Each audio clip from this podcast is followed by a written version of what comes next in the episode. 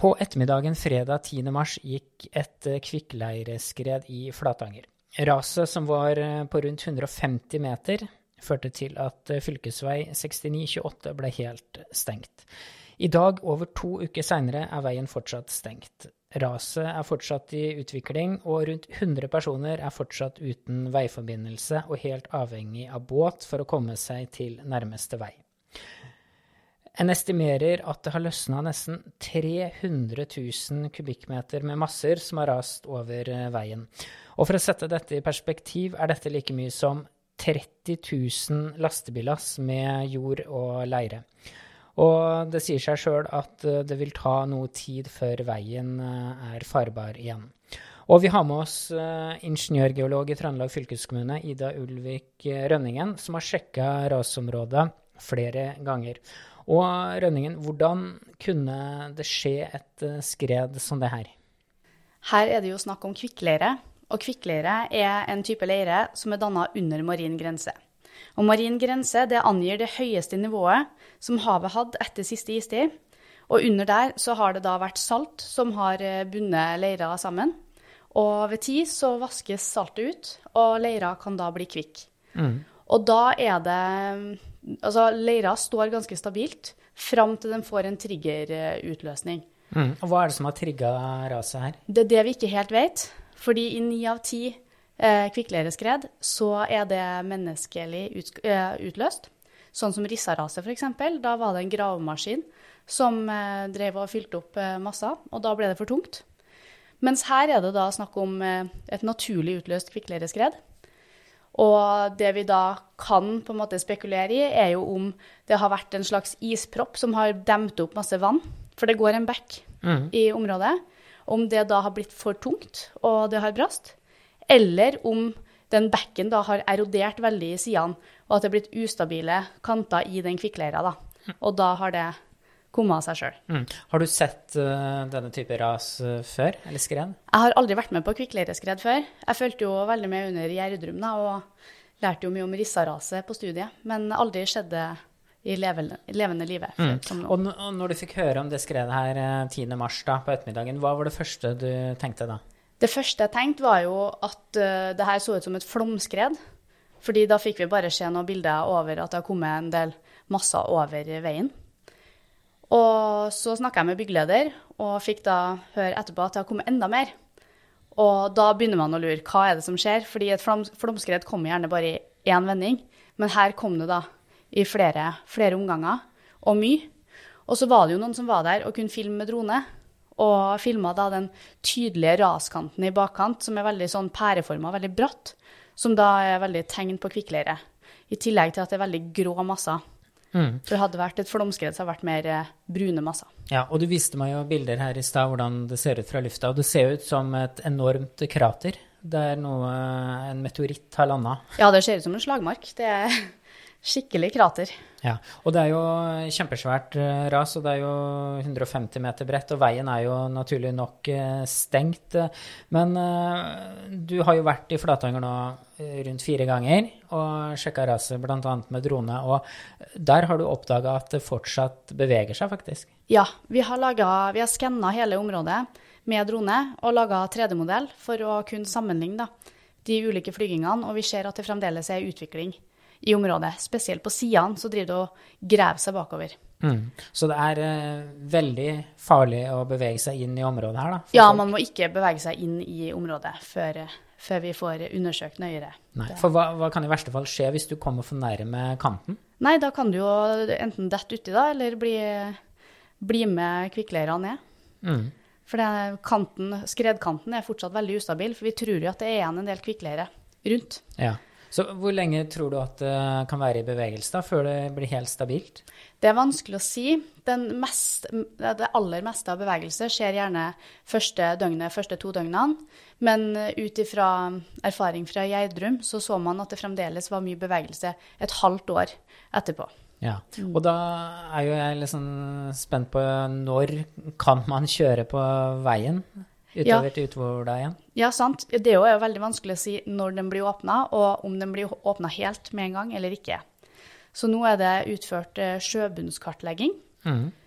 for å um, se hvordan massene da har påvirka sjøen. Fordi når det kommer 300 000 kubikk med masser, så har jo det kommet ut i sjøen.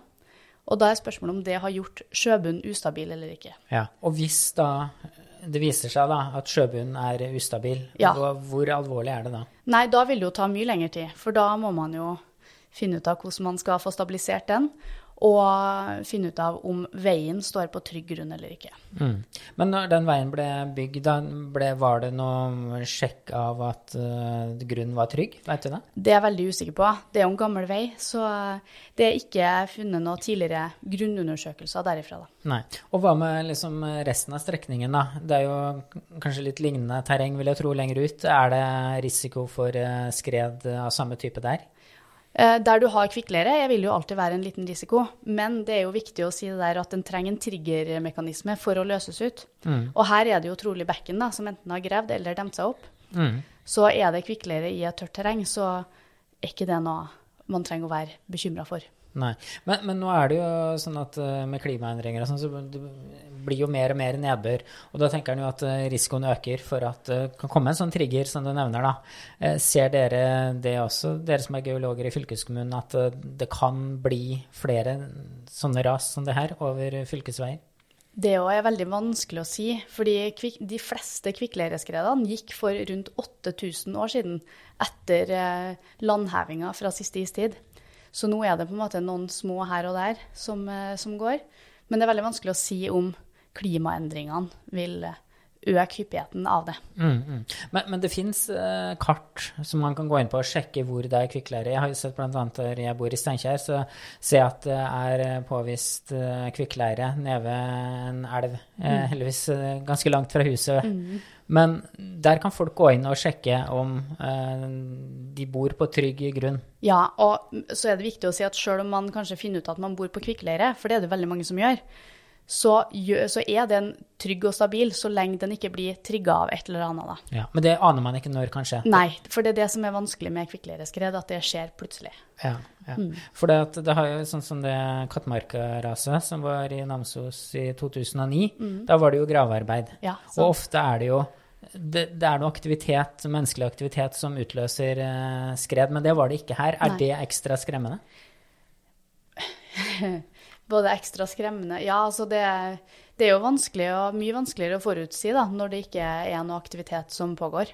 Mm. Men det er jo kanskje derfor vi jo har den statistikken da, med at det er kun 10% som utløses naturlig. Ja. Så, så det er egentlig ganske trygt å ferdes på fylkesveier i kvikkleireområder? Ja, jeg tror det er større sjanse for å krasje med en elg enn å kjøre inn i et kvikkleireskred, ja. Ja, ikke sant.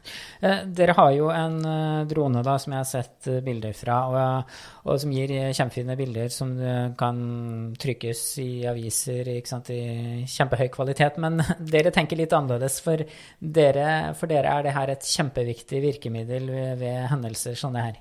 Ja, det er kjempeviktig med den drona vi har, for den tåler jo nedbør. Og etter et sånn her type skred så er det jo ikke gitt at det er kjempefint vær og gode flyforhold. Så eh, ved, uten den drona så hadde vi vært avhengig av helikopter for å få oversikt, da. Mm. Og man får mye bedre oversikt nå med den drona òg, ved at vi kan gjøre en sånn skann av terrenget og få laga 3D-modell og sammenligna med Ja. Ulike flyvninger. Ja. ja, for det er på den måten dere har klart å beregne hvor mange kubikkmeter raset er på? Ja, det stemmer. Så den 3D-modellen vi har laga, den, eh, den viser jo terrenget og hvordan den gropa er. Mm. Og da er det blitt et overslag der, da. På, Ja, ja. Men hva betyr det å vite liksom massen i skredet, da? Har det, har det noen betydning for hvordan dere eh, kan Hvilke tiltak dere skal gjøre? Jeg tror ikke det hadde spilt noen rolle om det hadde vært 300 000 kubikk eller om det hadde vært 100 000 kubikk. For det handler likevel om at det vi ser på eh, løsmassekart òg, er at det fremdeles er igjen kvikkleire, eller mest sannsynlig er igjen. Og da må man ta de samme eh, forhåndsreglene uansett hvor stort det er. Mm, mm. Det må Ja. Men nå, nå bygges det jo mm, ny vei ut i Rissa, eh, sånn det Sundbrannen-prosjektet. Og der er det jo også kvikkleire, og der har man jo lagd eh, sånne støttefyllinger, f- sånn være føre var, da, eh, som man regner med er veldig sikkert. Kan det bli aktuelt her? Jeg er veldig usikker på hva tiltaket er, for vi har jo en konsulent som eh, er dem som, eh, som planlegger videre prosess her. Jeg har bare vært med å fly droner. Ja. Eh, Så jeg er veldig usikker på hva de kommer opp med. Men det er jo flere, flere muligheter man kan gjøre da, for, å, for å gjøre det trygt å ferdes her. Mm. Det ene er jo å få ned det siste som er igjen av kvikkleiret. Mm. Eller så er det eventuelt å bygge opp en vold. Man må se litt an da, på hvor mye som er igjen, og ja, hva de kommer med av forslag. Ja. Men klarer dere å, å liksom få eh, overblikk over hvor mye kvikkleire som faktisk er igjen? Det ser vi gjerne på terrenget, terrenghelninga. Der det er samme helning som der det har rasa, der er det mest sannsynlig eh, marin leire igjen, da. Og da mest sannsynlig kvikkleire. Ja. Og eh, du er jo geolog, og du, du ser jo fort om det er jord eller leire. Og eh, jeg regner med liksom at det er fargen som Det- avgjør om det her er jord eller kvikkleire. Det er veldig enkelt å se fargen på om det er leire, i hvert fall, Ja. og om det er jord. For den er blå. Eh, den Eller er blå blågrå, grå, ja. ja. Mm. Ellers så er jord veldig brunt. Ja. Mm. Og kvikkleire, eh, hvordan kan du liksom beskrive det sammenligna med leire? For det, jeg vil jo tro at eh, kvikkleire er veldig sånn Den er veldig bløt. Ja. Veldig flytende. Forskjellen på vanlig leire og kvikkleire er jo at kvikkleira oppfører seg som en suppe når den blir trigga, mens leire vil på en måte være litt som plastelina. Da. Det, vil ikke, det vil ikke bare bli, bli suppe av å bli omrørt, da. Mm. Men, men si vi sier litt sånn rent hypotetisk, da, hvis det hadde vært noen som hadde gått tur i det terrenget her dagen før eh, 10. mars, eh, kunne man allerede da se på terrenget, eh, eller merke det på en måte at her kan det skje et ras? Eller eh, skjer det bare helt sånn poff? Jeg tror det hadde vært veldig vanskelig å forutsi her. Det, er- for det Ja, det, var, det skjedde jo bare, bare av seg sjøl, og det om man hadde sett at det har vært mye demt opp, så er det ikke gitt at eh, det må til for at det skal utløse et skred ellers. Og det tror jeg har vært veldig vanskelig. Mm. Nå var man jo veldig heldig her at det ikke var noe trafikk eh, på veien. Det går jo skolebuss eh, der, og den skulle jo kjøre ikke lenge etter skredet. skredet. Men hva tenker du liksom om det, om hvis det hadde vært mye trafikk på veien, da, hadde, de, eh, hadde det gått bra hvis det hadde vært eh, biler der? Eller var det så stor kraft i det her at de hadde bare, all, alle kjøretøy hadde bare blitt skylt ut på sjøen? Jeg tror Hvis det hadde stått en lastebil der, så tror jeg den hadde blitt eh, skylt ut på sjøen. Jeg tror det var veldig mye kraft i de massene som kom ned. Mm. Så vi var veldig heldige med at det ikke var noen der akkurat da det skjedde. Ja. Og nå er det jo um, vært mye mediesaker om det her, og fylkeskommunen uh, er jo veieier. Hva blir liksom det viktigste for uh, fylket nå framover? Det viktigste er jo fokus på veien, at eh, den må åpnes på en trygg måte. Mm. Og da er det veldig viktig å tenke på arbeiderne som skal dit og rydde. For de oppholder seg jo i området i mye lengre tid enn en bil, som kanskje bruker fem sekunder på å kjøre forbi. Mm. Så det, vi tenker sikkerhet, først og fremst. Det må være sikkert før vi kan slippe på noe trafikk, da. Ja. Og det må jo være veldig vanskelig å rydde rundt en sånn rasgrop med Ja. f.eks. en gravemaskin. Det må jo være veldig farlig. Det er veldig blaute masser, da. Det er det. Så jeg tror det, jeg tror det blir en skikkelig drittjobb. Det tror jeg. Men eh, det skal grunnbores først. Ja, For ja å Hvordan se- gjør dere det? Nei, da er det, da er det noe grunnboringsutstyr som man ja, borer gjennom veien da, og under veien for å se hva for noe masse av veien ligger på. For det kan jo være at den ligger på fast fjell, Mm. og da har den mest sannsynlig berga, og da vil det gå raskere å få åpna veien enn om den også ligger på bløte masser, som det da var eh, høyere opp. Ja. Men sånn grunnboring, da, er det rett ved rasgruppa, eller er det et stykke unna? Ikke ved rasgruppa, Nå er det ved veien vi tenker Ja, på i første ja. Mm. omgang, for å se hvordan det er. For ved rasgropa så um, vil ikke HMS-en bli ivaretatt hvis vi sender opp en svær sånn beltering med en person inni. Mm. Så der må man nok tenke eh, alternativt. Ja. Men si liksom om eh, ett år fra i dag, da. eh, Vil det være trygt å gå inn i det tidligere skredområdet her eh, hvis det er eh, ikke lenger bevegelse? Altså, jeg tenker at det vil nok bli trygt etter hvert. Men når det skjer, det er vanskelig å si. Og det kommer jo an på når det stabiliserer seg, og hvordan det stabiliserer seg. Altså. Hvor lang tid tror du det kan ta, da? Eller er det helt umulig å si? Det er veldig vanskelig å si. Det, nå er det jo veien vi fokuserer på i første omgang, og ikke, ikke selve rasgropa. Vi, jo, vi må jo passe på at det ikke kommer store skred som kan gå over veien igjen. Mm. Men uh, jeg tror ikke jeg ville ha drevet og beveget meg veldig mye opp i den rasgruppa. I hvert fall ikke nå. Nei. Men det, det her er jo et arbeid som eh, fylkeskommunen prioriterer veldig høyt, vil jeg Mm, tro. Det er vel uh, kjempeviktig at de får veiforbindelsen tilbake. Nå er det jo Mm. en ferje som Mm. bringer folk uh, til og fra, men det er jo ikke en sånn holdbar løsning i lengden. Men er det, er det helt umulig å si når de får tilbake veien sin, de som er isolert? Ja, det kommer helt an på hva grunnundersøkelsene sier, og den sjøbunnskartlegginga, hva de har funnet ut av.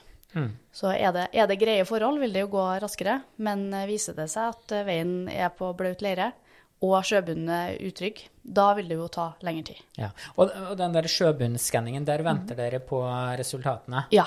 Men eh, hva håper du? Du håper jo selvfølgelig at det ikke er noen endringer i sjøbunnen som viser at det har rast der òg. Ja, jeg håper jo at eh, tyngden av massene som har kommet over, ikke har gjort sjøbunnen mer ustabil. Ja. For det, det, har, det skjer vel fra tid til annen. Det var vel et sånt ras i, i Namdalseid, eh, tror jeg, i 2013 kanskje? eh, Ja, det var vel det eh, ja. ja. Og da, det vel, da var det vel et sånn undersjøisk Mm. ras. Er det, er det mer farlig enn et ras uh, i, i dagen? Det er også veldig vanskelig å si, da, for det går jo på størrelse der òg. Men det vi er redd for her, er jo at hvis det går et undersjøisk ras, så vil jo det gjøre at veien blir ustabil, for da mister jo den fundamentet sitt under. Ja. Så det er det vi er nervøse for her, ikke nødvendigvis en stor flodbølge eller noe sånt. Ja, og da, da, da blir det sannsynligvis ikke noe vei der, da, hvis, det, hvis det, grunnen viser seg å være veldig ustabil. Ja, Da må vi jo bygge den opp og stabilisere den på en eller annen måte. Ja, så det går an, det, altså? Ja da, det gjøres jo det. Mm. Mm.